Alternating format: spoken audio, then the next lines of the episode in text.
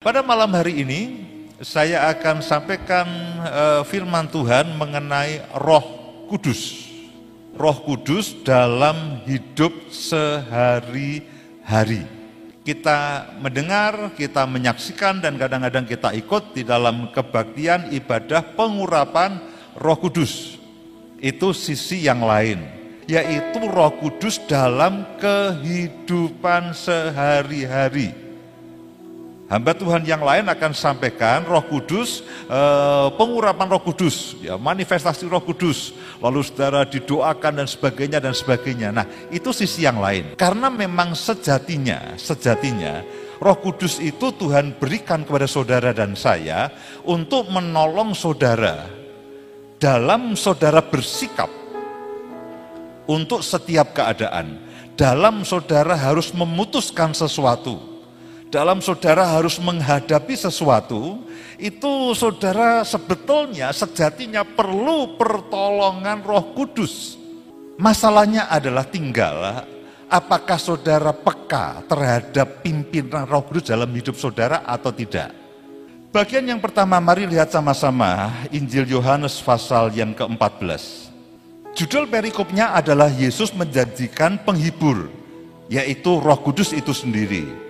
Nah, saudara semuanya tahu begini. Yesus tahu bahwa tidak lama lagi dia akan naik ke surga. Tidak lama lagi dia naik ke surga. Alasan kenapa Yesus itu menjanjikan penghibur atau penolong yang lain kepada para murid-muridnya yaitu Roh Kudus adalah karena setelah pada waktu itu murid-muridnya itu praktis mengikuti Yesus.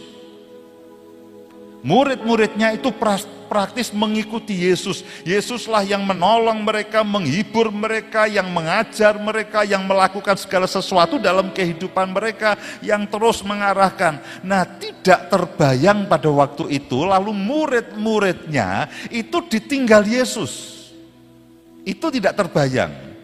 Karena pada waktu itu yang menjadi pusat segala sesuatunya adalah Yesus dan murid-muridnya ini ngikut Yesus.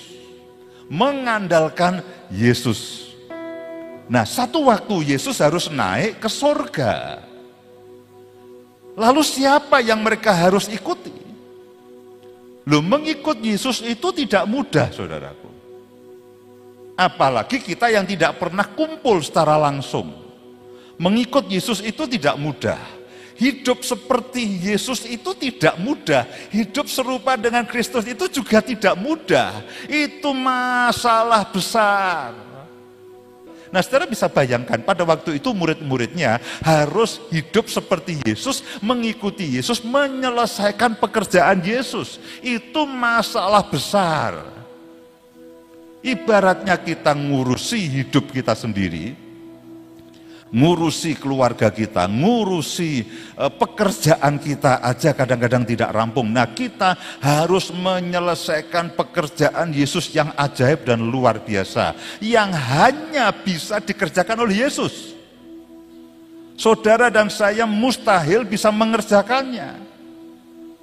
Pekerjaan Yesus hanya bisa diselesaikan oleh Yesus. Saudara dan saya tidak bisa kecuali saya dan saudara dipimpin, dipenuhi, diurapi oleh Roh Kudus terus menerus. Roh yang sama yang juga mengurapi Yesus pada waktu dia pelayanan di muka bumi.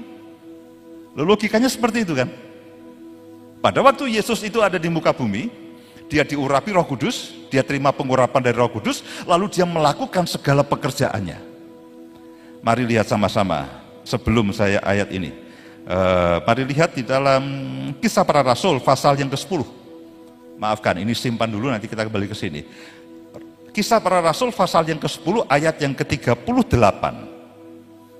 Kisah para rasul pasal yang ke-10 ayat yang ke 38 bagian multimedia dan ayat ini anu nih mesti harus uh, cepat karena ada puluhan ayat yang saya akan bacakan yaitu tentang Yesus dari Nazaret bagaimana Allah mengurapi dia dengan apa dengan Roh Kudus dan kuat kuasa dia yang berjalan berkeliling sambil berbuat baik dan menyembuhkan semua orang yang dikuasai iblis sebab Allah menyertai dia. Nah, ini keadaan Yesus pada waktu dia ada di muka bumi ini. Bagaimana Allah mengurapi dia dengan roh kudus dan kuat kuasanya sehingga Yesus berjalan berkeliling sambil berbuat baik dan menyembuhkan semua orang yang dikuasai iblis sebab Allah menyertai dia. Ini adalah sedikit gambaran bagaimana Yesus itu melakukan pekerjaan yang ajaib. Nah saudara dan saya di setting, di setup, diberi visi kerjakanlah apa yang Yesus kerjakan bahkan lebih besar lagi. Betul ya? Bahkan lebih besar lagi. Nah supaya saudara dan saya bisa mengerjakan pekerjaan yang dikerjakan Yesus cuma ada satu cara. Saudara harus memiliki apa yang dimiliki Yesus. Saudara harus disertai dengan kuasa yang dimiliki Yesus. Nah dikatakan bahwa roh kudus itu mengurapi Yesus. Kuncinya di situ saudara. Ketika Yesus melakukan satu pekerjaan yang ajaib dan luar biasa, itu Yesus dengan pengurapan dari tempat yang maha tinggi, pengurapan oleh Roh Kudus dan kuat kuasa daripada Tuhan. Nah, bagaimana mungkin saya dan saudara bisa melakukan pekerjaan yang dikerjakan Yesus dengan kekuatan sendiri? Dengan kekuatan sendiri. Kita cari parkir, tidak dapat parkir aja jengkel kok urusannya. Lu ya toh, kita kadang-kadang kesenggol orang aja kita mendelik. Untuk kita bisa melakukan, kita bisa seperti Yesus dan melakukan yang Yesus lakukan hanya ada satu cara, yaitu kita harus memiliki apa yang Yesus miliki. Kalau tidak, mustahil kita bisa melakukannya. Mari kembali ke Yohanes pasal yang ke-14 ayat yang ke-15. Injil Yohanes pasal yang ke-14 ayat yang ke-16. Perhatikan baik-baik. Jikalau kamu mengasihi aku, kamu akan menuruti segala perintahku. Ayat 16, aku Yesus akan minta kepada Bapa dan ia akan memberikan kepadamu seorang penolong yang lain yaitu Roh Kudus supaya ia menyertai kamu kapan selama-lamanya. Ayat yang lain mengatakan dia akan diam di dalam kamu selama-lamanya seorang penolong yang lain supaya ia menyertai kamu selama-lamanya. Nah, penolong atau parakletos itu adalah pribadi yang dipanggil untuk mendampingi saudara dan saya dengan tujuan memang untuk menolong ketika Yesus katakan aku akan meminta kepada Bapa supaya ia memberikan kepadamu seorang penolong yang lain, pendamping dengan tujuan menolong, pendamping dengan tujuan menolong saudaraku. Dia menjadi penasehat, dia menjadi penguat, menjadi penghibur, menjadi pembela, menjadi penyelamat, menjadi teman sekutu, menjadi sahabat. Roh Kudus adalah sahabat kita. Penolong, sahabat, penasehat, pembela, penghibur, segala-galanya yang saudara dan saya perlukan sehingga saudara bisa seperti Yesus dan melakukan pekerjaan Yesus. Karena dalam hidup saudara dan saya itu ada roh kudus yang sama yang juga menyertai Yesus. Dan ia akan memberikan padamu seorang penolong yang lain supaya ia menyertai kamu selama-lamanya. Pengurapan setiap pagi itu untuk mengingatkan saudara sebetulnya. Bukan begini, setelah diurapi minyaknya garing, roh kudusnya pergi itu tidak loh saudara. Tidak loh. Waduh, ke anu kena tisu minyaknya. Lalu roh kudusnya pergi itu tidak loh saudara.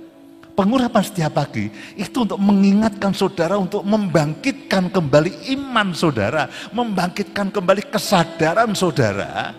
Roh Kudus yang menyertai saudara selama-lamanya. Ayo bangkitkan lagi, Roh Kudus tolong anak ini. Saudara menyadari kembali. Alkitab mengatakan bahwa ia menyertai kamu selama-lamanya. Lupa kalau pas kebaktian pengurapan roh kudus bagaimana? Itu saudara seperti dicas ulang, di apa ya? Diingatkan kembali. Sebetulnya roh kudus dengan segala kuat kuasanya, dengan segala kepenuhannya itu tetap tinggal dalam hidup saudara. Cuman acap kali saudara tidak menyadari dan saudara tidak mengandalkan akan roh kudus sehingga dalam tanda kutip roh kudus itu nganggur. Roh kudus itu nganggur. Kebaktian pengurapan roh kudus itu kayak me, kamu harus sadar, ini ada roh kudus dalam kehidupanmu. Lalu saudara ditumpangi tangan, saudara, saudara bermanifestasi itu untuk mengingatkan kembali. Seperti mobil, mobil itu kalau berhenti, itu mesinnya pergi enggak? Tidak. Tinggal dia apa? Starter aja, nyala kembali. Digas dia penuh. Nah acap kali, pengertian kita yang tidak utuh, kita pikir bahwa kebaktian pengurapan roh kudus itu ada masa berlakunya. Wah udah dua minggu pak, udah apa nih, drop. Memang HP saudara, baterainya entek.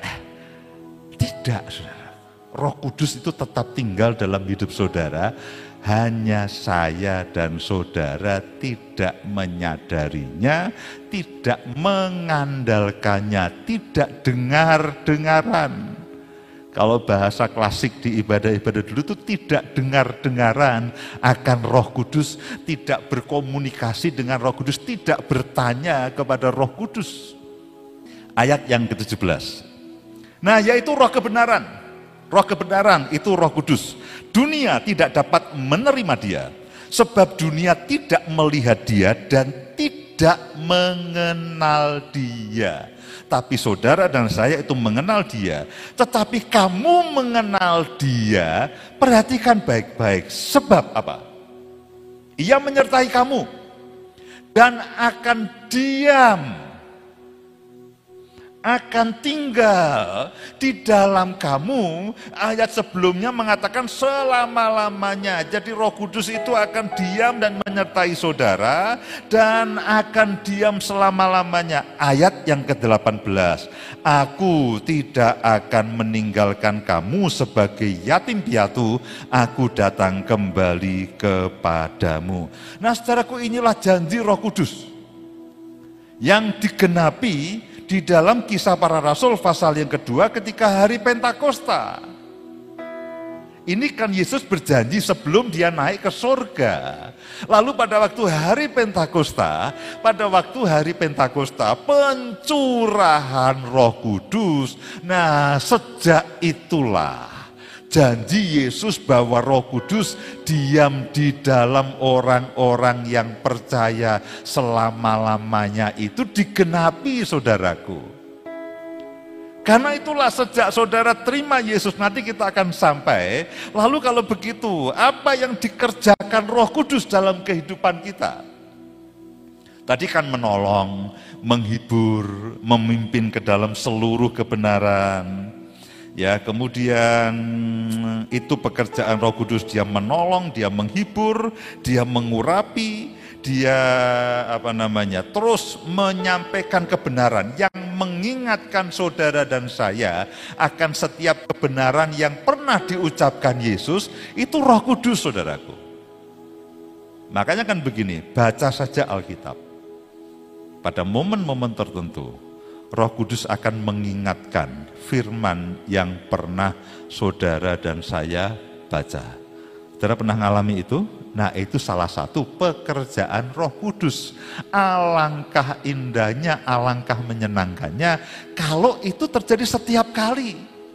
Kalau itu terjadi setiap saat saudaraku, bahwa dia selalu mengingatkan. Nah sekarang begini, pekerjaan-pekerjaan Roh Kudus dalam kehidupan kita, baik secara pasif maupun secara aktif. Pasif itu begini, tanpa saudara sadari. Saya akan tunjukkan, kalau begitu Pak, kalau Roh Kudus itu tinggal dalam kehidupan kita, lu ngapain dia? Dia ngapain? Apa yang dia kerjakan di dalam kehidupan kita? Apakah dia nganggur-ngangguran? Tidak, saudaraku Makanya tadi saya tunjukkan, dia mengerjakan sesuatu yang kita tidak sadari, saya sebut pasif maupun aktif. Oke, saya beri gambaran begini. Mobil-mobil yang sekarang itu diberi pengaman pasif dan pengaman aktif. Kalau saudara naik mobil harus pakai sabuk penga, pengaman. Nah itu disebut dengan pengaman pasif. Sabuk pengaman. Tabrakan atau tidak tabrakan itu sabuk pengaman harus dipakai. Oh nanti saya pakai kalau mau tabrakan. Nah, kita kan tidak tahu saudaraku. Dan juga jangan sampai begitu. Tapi juga ada pengaman aktif. Ada yang disebut dengan airbag. Ya, di setir di depan itu ada airbag yang kalau sampai itu terbentur sesuatu, lalu ada airbag ya seperti bantal besar berisi udara gitu yang lalu tiba-tiba meletus di depan kita sehingga kita tidak sampai terbentur. Nah, itu pengaman aktif. Nah, ini akan menolong saudara memberikan gambaran apa yang dikerjakan Roh Kudus secara pasif meskipun saudara tidak menyadarinya. Mari lihat sama-sama di dalam Efesus pasal yang pertama ayat yang ke-13. Efesus pasal yang pertama ayat yang ke-13. Roh Kudus itu menjadi meterai dan jaminan. Roh Kudus menjadi meterai dan jaminan. Di dalam dia kamu juga karena kamu telah mendengar firman kebenaran yaitu Injil keselamatanmu Ketika saudara mendengarkan kebenaran yaitu Injil keselamatanmu, di dalam dia kamu juga ketika apa? Ketika kamu apa? Ketika kamu apa? Percaya. Ketika kamu percaya, langsung dimeteraikan dengan roh kudus. Jadi ketika saudara percaya, pertama kali saudara menerima Yesus sebagai Tuhan dan Juru Selamat, itu pada momen yang sama, pada detik yang sama, itu dikatakan bahwa dimeteraikan dengan roh kudus, bukan roh kudus yang memeteraikan. Tapi Allah Tuhan itu memeteraikan keselamatan yang saudara terima, meterainya itu bukan meterai yang sekarang harganya berapa? 10 ribu bukan meterai kertas itu yang 10 ribu. Meterainya itu bukan barang. Meterainya itu roh kudus sendiri. Meterainya itu bukan minyak. Minyak itu lambang roh kudus. Meterainya itu roh kudus. Bukan roh kudus yang memeteraikan. Oh roh kudus memeteraikan saya dengan dengan minyak. Itu bukan. Oh roh kudus memeteraikan saya dengan meterai 10 ribu. Itu bukan. Allah Bapa yang memeteraikan keselamatan itu meterainya adalah Roh Kudus. Kapan itu terjadi? Itu terjadi pada waktu saudara menjadi percaya. Jadi pada waktu saudara itu terima Yesus. Sebetulnya Roh Kudus itu langsung ada dalam kehidupan saudara dengan seluruh kepenuhannya. Nah, ketidakmengertian memang membuat kita jadi ya tidak mengerti. Saudaraku, saya hampir bisa pastikan bahwa sebagian saudara tidak mungkin sebagian besar saudara tidak bisa menggunakan handphone ini secara maksimal. Saya juga begitu. Di dalam handphone ini ada begitu banyak aplikasi yang sangat canggih dan modern. Tidak banyak, ya mungkin hanya orang-orang milenial aja yang tahu. Yang saya dan saudara, oh, yang penting Pak Iso gue telepon, iso gue anan loh ya toh. Yang penting bisa buat telepon, bisa WA-anan. Ya ya ngintip-ngintip uh, Facebook, IG dan sebagainya. Cuman itu aja.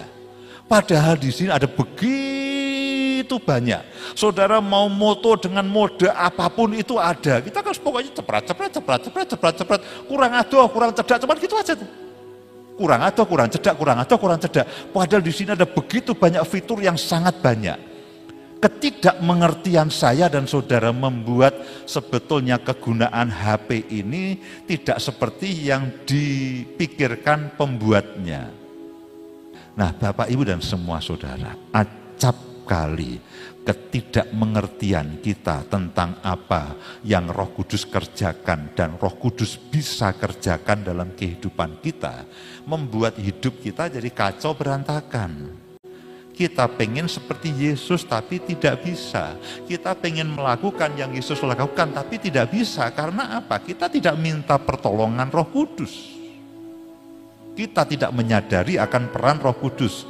Dan dikatakan dimeteraikan roh kudus yang dijanjikannya itu. Saudara setiap kali galau dengan keselamatan saudara. Benar enggak ya? Benar enggak ya? Benar enggak ya? Loh, meterainya itu roh kudus. Saudara jual beli tanah kalau hanya lewat omongan memang meragukan. Saudara jual beli tanah lewat omongan itu meragukan.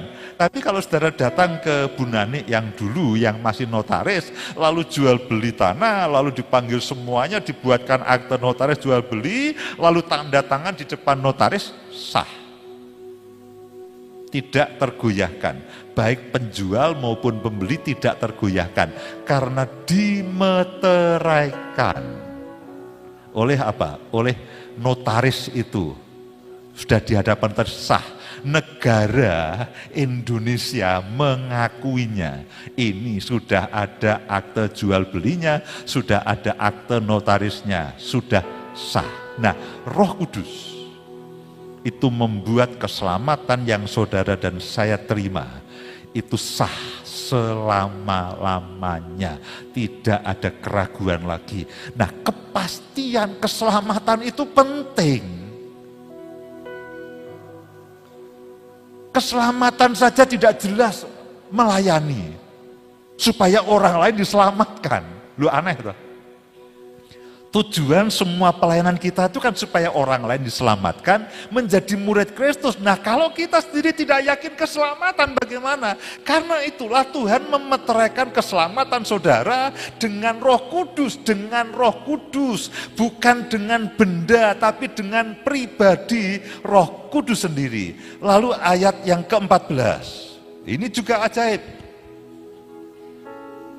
Ayat yang ke-14, Efesus pasal yang pertama, ayat yang ke-14. Dan roh kudus itu adalah apa? Jaminan. Jaminan. Tanda jadi. Down payment. DP-nya. Dan roh kudus itu adalah jaminan bagian kita sampai kita memperoleh seluruhnya. Yaitu penebusan yang menjadikan kita milik Allah untuk memuji kemuliaannya. Ini pekerjaan Roh Kudus. Ya, dikatakan tadi penolong, penghibur, pendamping, sahabat. Nah, ini yang lainnya yang mungkin saudara dan saya jarang familiar, jarang mendengarnya. Dia menjadi meterai. Ketika saudara percaya kepada Yesus, dia menjadi meterai dan dia adalah down paymentnya, DP.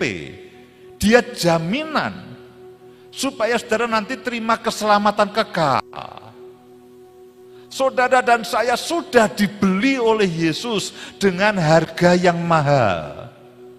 Lalu diberi DP. DP-nya apa? Roh Kudus. Kadang-kadang kalau ada pembeli mau membeli tanah, lalu secara prinsip sudah oke. Okay, lalu kan, oke okay, aku DP dulu ya. Aku DP dulu supaya kamu nggak berikan pada orang lain. Ini tak DP dulu 100 juta. Pokoknya tak DP aku kasih tanda terima aja orang Ini tanda pembelian rumah di seberang itu. Aku tak DP dulu supaya apa? Kamu tidak jual kepada orang lain. Nanti kita tinggal urus menjadi akte jual beli ke notaris. Diberi DP supaya apa? Tidak dijual. Nah saudara itu oleh Tuhan sudah diberi DP yaitu roh kudus supaya apa? Saudara itu dijamin masuk surga. DP-nya itu Roh Kudus. Jaminannya itu Roh Kudus. Tidak ada satu kuasa pun yang bisa menggugat dan menggoyahkan iman, pengharapan, dan kepastian keselamatan saudara. Loh kalau jual beli tanah, sudah dikasih DP, sudah membuat akta jual beli, sah kan? Demikian juga dengan keselamatan saudara. Saudaraku, antikrislah apa-apa, oh iya, antikris itu dahsyat sih, luar biasa. Tapi Yesus Kristus yang asli itu jauh lebih dahsyat. Loh, antikris itu Mesias palsu itu kan tiruan. Dia musuh yang sudah dikalahkan. Apakah dia bisa menggugat ini? Tidak bisa. Yang memberi jaminan itu adalah Allah Bapa, jaminannya Roh Kudus. Yang memeteraikan itu Allah Bapa, meterainya apa? Ya Roh Kudus itu saudara. Ajaib saudara. Jadi jangan pernah ragu dan jangan pernah takut dengan keselamatan yang saya dan saudara sudah terima. Amin. Ini fondasi penting saudaraku. Supaya saudara tidak uh, limbang, limbung, limbang, limbung, limbang, limbung. Setiap, aduh tolong doakan saya. Kenapa? Aku kok ah, takut masuk neraka. Aku kok takut masuk neraka. Aku tidak yakin keselamatan. Nah saudara harus ingat akan ayat-ayat ini. Ketika saudara menjadi percaya, saudara dimeteraikan oleh roh kudus. Dan roh kudus menjadi jaminan sampai saudara menerima seluruhnya yaitu penebusan. Kemudian setelah dia menjadi materi dan menjadi jaminan, dia menjadi pendoa bagi kita. Mari lihat Roma pasal yang ke-8 ayat yang ke-26. Kitab Roma pasal yang ke-8 ayat yang ke-26. Demikian juga roh membantu kita dalam kelemahan kita. Sebab kita tidak tahu bagaimana sebenarnya harus berdoa, tetapi roh sendiri berdoa untuk kita. Saudaraku, roh sendiri berdoa untuk kita. Bukan kita berdoa dalam bahasa roh, itu masalah lain. Itu cerita lain, itu pelajaran lain. Tapi dikatakan roh sendiri itu berdoa untuk kita kepada Allah dengan keluhan-keluhan yang tidak terucapkan artinya apa? Dengan keluhan-keluhan yang mendalam. Ayat yang ke-27. Dan Allah yang menyelidiki hati nurani mengetahui maksud roh itu yaitu bahwa roh sesuai dengan kehendak Allah berdoa untuk orang-orang kudus. Jadi begitu roh kudus itu masuk dalam kehidupan saudara, dia menjadi meterai dan dia menjadi jaminan, lalu dia tidak nganggur, dia langsung berdoa untuk saudara. Dia langsung berdoa untuk saudara, membantu saudara dan saya dalam kelemahan-kelemahan kita. Jadi dia akan menolong saudara di titik yang paling krusial atau titik yang paling lemah itu. Pokok doanya apa? Pokok doanya adalah sesuai dengan kehendak Allah itu. Ini bukan bahasa roh, ini bukan bahasa roh. Karena dikatakan roh sendiri yang berdoa untuk kita. Itu lain dengan kita berdoa dalam bahasa roh, itu ceritanya lain. Kita ketika kita berdoa dalam bahasa roh itu untuk menguatkan iman kita. Nah, sementara kita berdoa dalam bahasa roh sebetulnya pada waktu saudara katakanlah tidak sedang berdoa, saudara sedang bekerja, saudara sedang mengajar, bahkan ketika saudara sedang tidur pun itu Roh Kudus tidak nganggur. Roh Kudus berdoa pada titik-titik lemah kehidupan saudara. Pokok doanya apa Pak? Pokok doanya itu sesuai dengan kehendak Allah. Saudaraku saya berharap saudara menyadari ini. Saudara tahu akan tahu betapa bahwa roh kudus itu sangat ini apa ya. Sangat ringan tangan menolong kita. Nanti kita akan sampai bahwa sebetulnya kita mau minta tolong kepada Roh Kudus dengan tentang apa pun.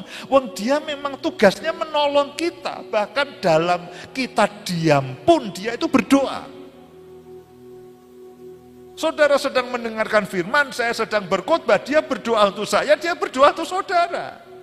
Doanya apa? Sesuai dengan kehendak Allah tadi. Nah kesadaran ini akan menolong saudara bahwa roh kudus itu memang pribadi yang betul-betul ingin menolong saudara kapan pun dalam situasi apa pun, dalam keadaan apa pun. Dia selalu siap sedia. Kesadaran ini akan menolong saudara. saudara akan menjadi pribadi yang sangat mengandalkan roh kudus. Karena itulah lalu muncul Roma 8:28. Roma kita tahu sekarang. Lu kok sekarang? Apa yang kita tahu? Karena Roh Kudus berdoa untuk kita, sekarang kita tahu bahwa Allah turut bekerja. Lu kok Allah turut bekerja? Allah turut bekerja karena Roh Kudus yang berdoa. Allah turut bekerja dalam segala sesuatu untuk mendatangkan kebaikan bagi mereka yang mengasihi Dia, bagi mereka yang terpanggil sesuai dengan rencana Allah. Nah, itulah Roh Kudus, saudaraku. Oke, saya akan coba percepat. Nah, sekarang mengenai istilah penuh dengan Roh Kudus. Ya, tadi kita udah nyinggung soal pengurapan dia mengurapi, dia menolong, dia menghibur, dia menunjukkan kebenaran. Sekarang kita sampai kepada yang disebut dengan penuh roh kudus. Kalau tadi kan dia diam, dia tinggal. Sekarang penuh roh kudus. Mari lihat beberapa ayat firman Tuhan. Injil Lukas pasal yang pertama ayat yang ke-67. Injil Lukas pasal yang pertama ayat yang ke-67. Injil Lukas pasal yang pertama ayat yang ke-67 dan Sakaria ayahnya penuh dengan Roh Kudus lalu bernubuat. Injil Lukas pasal yang keempat ayat yang pertama. Kita akan baca langsung saja supaya saudara Bapak Ibu tahu gambarannya. Injil Lukas pasal yang keempat ayat yang pertama.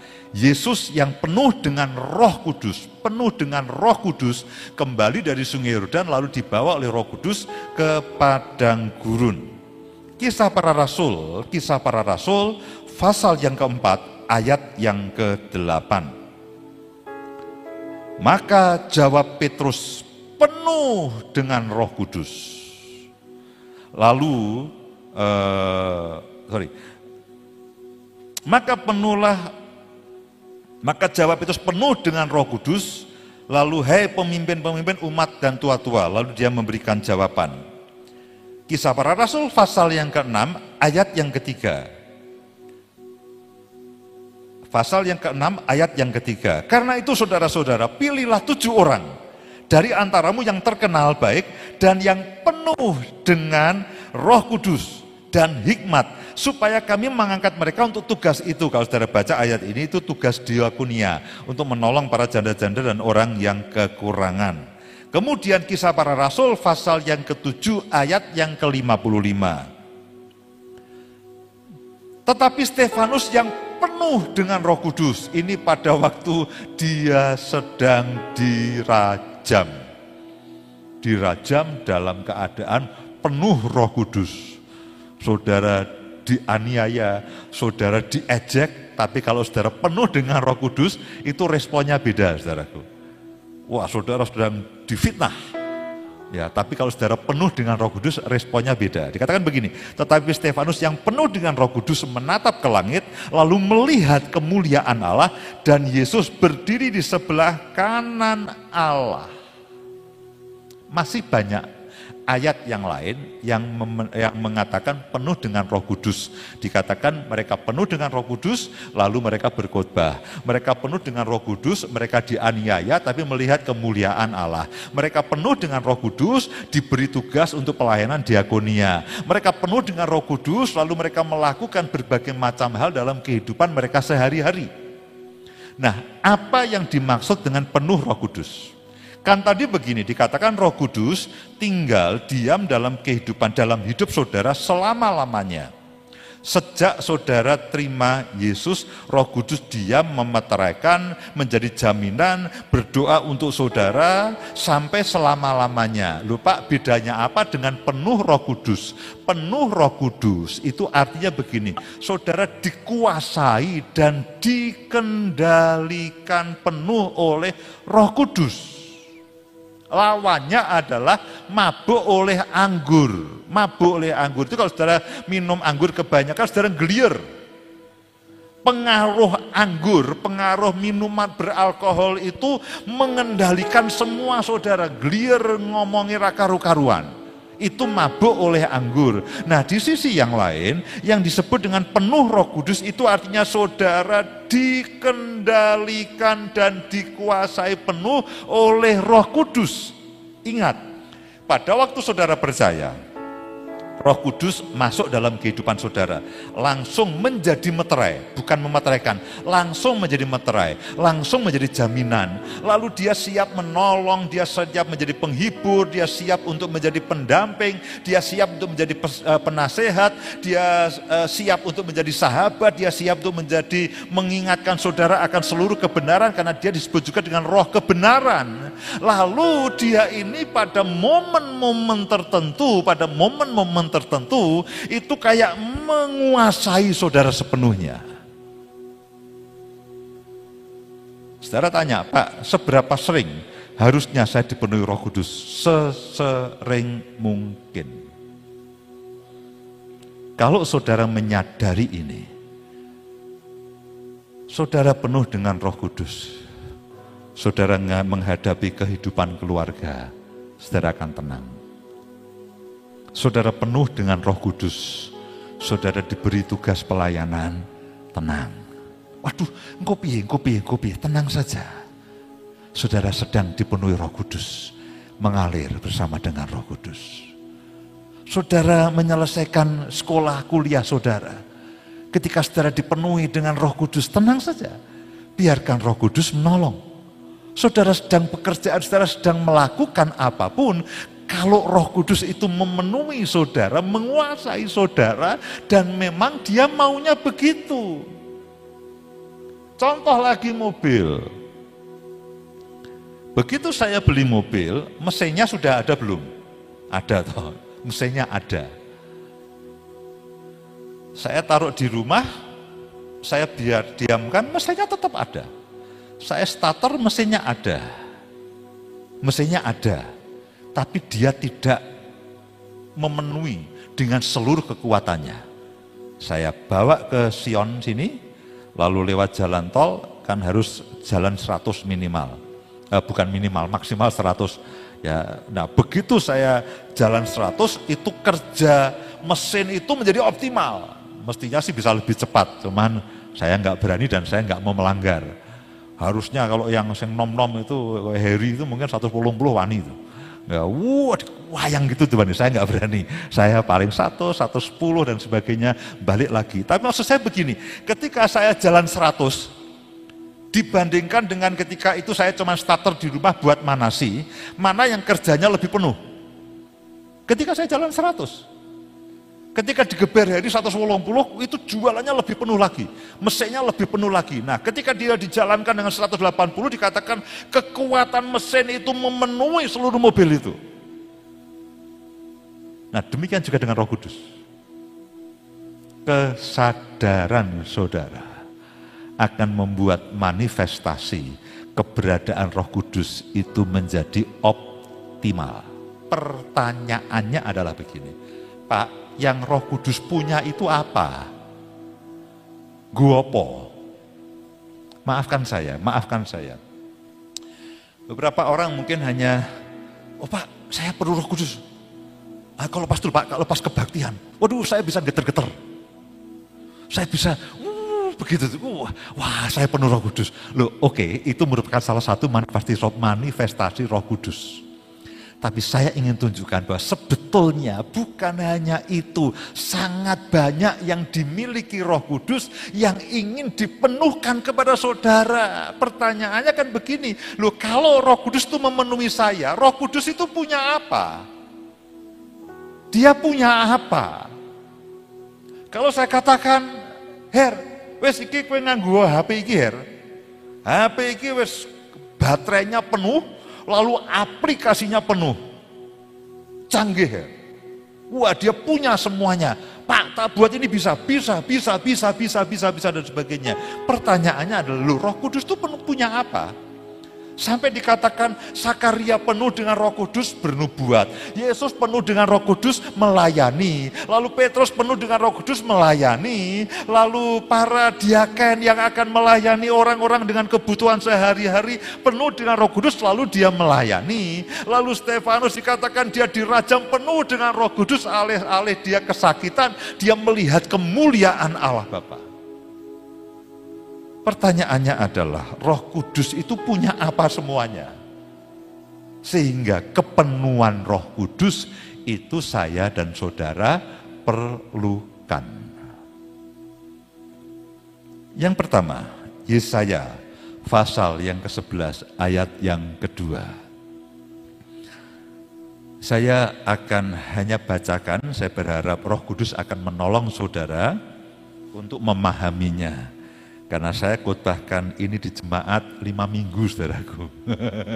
lima minggu, tapi saya, uh, roh kudus akan menolong saudara. Oh, kesuwen pak, sejam kudu rampung, saya harapkan sejam selesai. Roh kudus akan menolong saudara memahaminya. Yesaya pasal yang ke-11, ayat yang kedua. Ini orang sebut dengan manifestasi ketujuh roh Allah.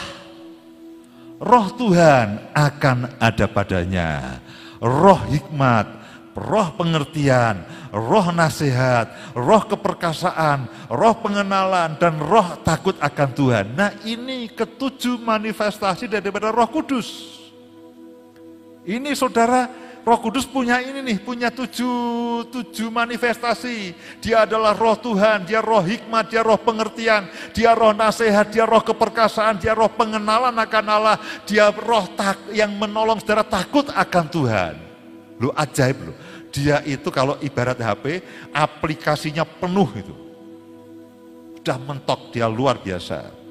Lalu, apalagi Galatia pasal yang kelima. Galatia pasal yang kelima, ayat yang ke-22. Tetapi buah roh. Jadi saudaraku, maafkan saya harus sampaikan begini kepenuhan Roh Kudus itu bukan hanya terjadi pada waktu ibadah pengurapan Roh Kudus.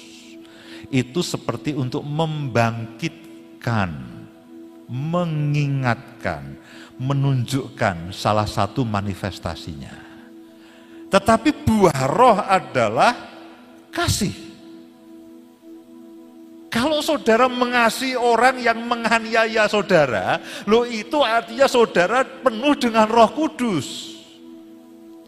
Kalau saudara tetap mengasihi suamimu atau istrimu yang menjengkelkan, lo itu artinya penuh dengan Roh Kudus. Karena Roh Kudus berbuah dalam kehidupan saudara. Buah roh ialah apa? Kasih. Kasih itu apa? 1 Korintus pasal yang ke-13. Loh, turunannya kasih itu aja luar biasa. 1 Korintus pasal yang ke-13 ayat yang keempat. Kasih itu sabar. Loh Pak, sabar itu penuh dengan termasuk penuh dengan? Iya.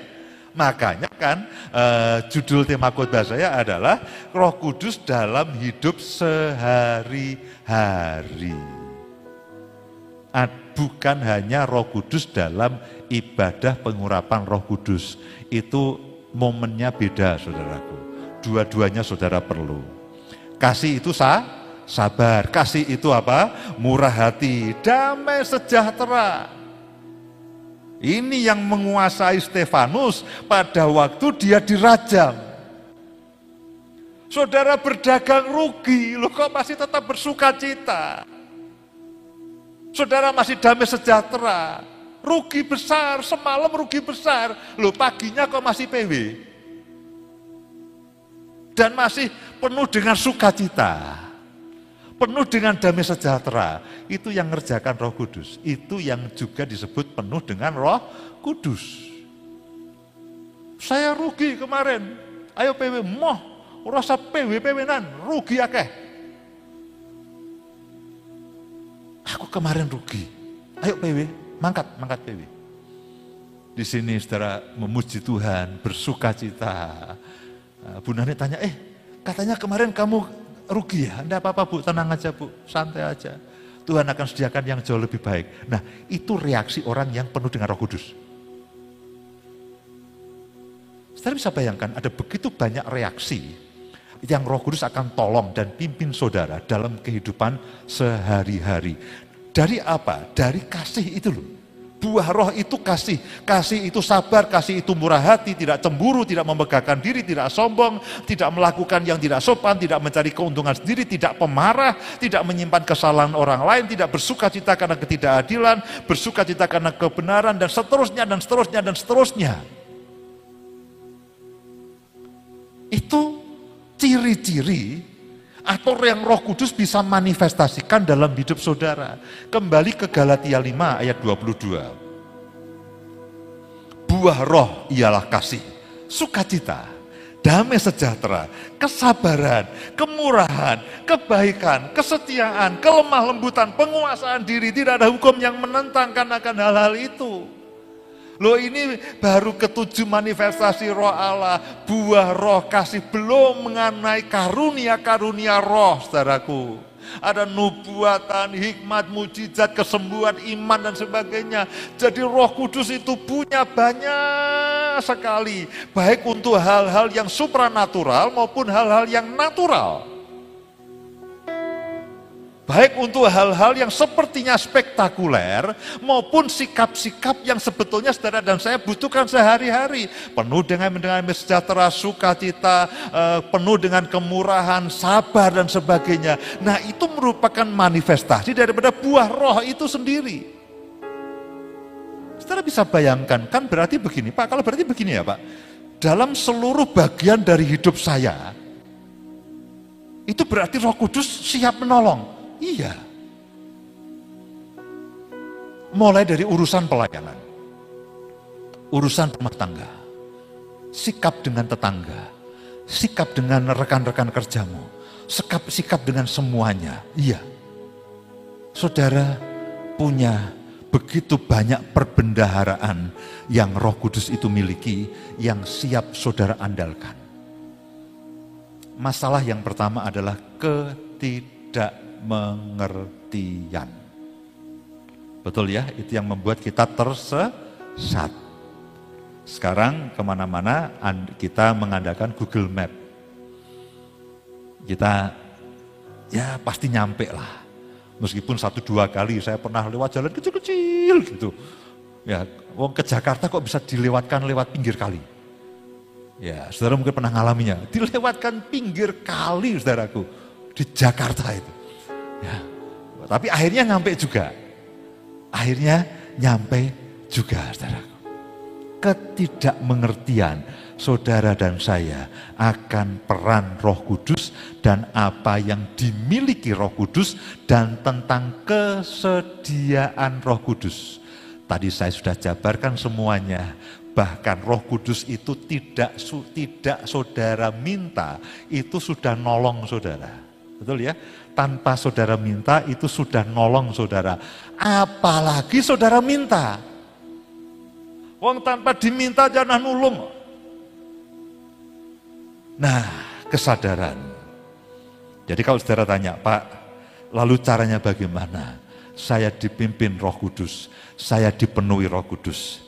Yang pertama, saudara harus menyadari bahwa Roh Kudus ada dalam hidup saudara. Kembali ke Injil Yohanes pasal yang ke-14 ayat yang ke-17. Mari silahkan para pelayan pujian bisa maju ke depan. Ajaib, saya bisa selesai dalam satu jam ini. Luar biasa. Saya pikir, wah ini bisa lembur nih saudara. Ternyata selesai nih, 742. Tadi saya mulai juga 742. Injil Yohanes pasal yang ke-14, yaitu roh kebenaran. Dunia tidak dapat menerima dia sebab dunia tidak melihat dan tidak mengenal dia. Tetapi kamu, kamu saudara dan saya mengenal dia. Kamu mengenal dia sebab ia apa? Dia menyertai kamu. Saudara mau marah, sebetulnya roh kudus sudah kasih ingat, sabar, sabar, sabar. Mungkin lewat orang lain, sabar, orang iso. Nah, saudara ngeyel anda begitu ngeyel ya roh kudus itu oke okay lah. Dia roh yang lemah, lembut saudaraku. Tetapi kamu mengenal Roh Kudus, sebab Roh Kudus menyertai kamu dan diam akan diam di dalam kamu. Sejak kapan? Sejak saudara terima Yesus sebagai Tuhan dan Juru Selamat, pada waktu itulah Roh Kudus dengan seluruh kepenuhannya, dengan seluruh perbendaharaannya, dengan seluruh aplikasinya, kalau ibaratnya HP itu sudah diam dalam kehidupan saudara. Tanpa saudara minta, dia sudah menolong. Apalagi kalau saudara memintanya. Jadi yang pertama adalah menyadari akan kehadirannya. Lalu Galatia pasal yang kelima ayat yang ke-25. Jikalau kita hidup oleh roh, begitu kita diselamatkan, kita dihidupkan oleh roh. Baiklah, hidup kita juga apa? Dia apa? Katakan sama-sama dia apa? Dipimpin oleh roh dipimpin oleh roh. Sebelum saudara membuat keputusan, roh kudus, tolong aku. Setiap kali saudara mau melakukan, roh kudus, tolong aku. Roh kudus, bojoku ki ngayel no, tolong aku. Iki tak tendang apa tak peluk saudara, roh kudus. Roh kudus iki jengkel no siji ki jengkelno. Roh Kudus tolong aku. Bagaimana aku harus bereak? Bereaksi ojo ngeyel, saudaraku. Ojo ngeyel. Kalau istilahnya Bu Nani itu ke saya, ojo ngandalno kepinteranmu dewi. ojo ngandalno pikiranmu. Setiap kali tanya kepada Roh Kudus. Karena apa? Itulah cikal bakal saudara di dipimpin oleh Roh Kudus. Sadari, minta dipimpin dan andalkan akan Roh Kudus.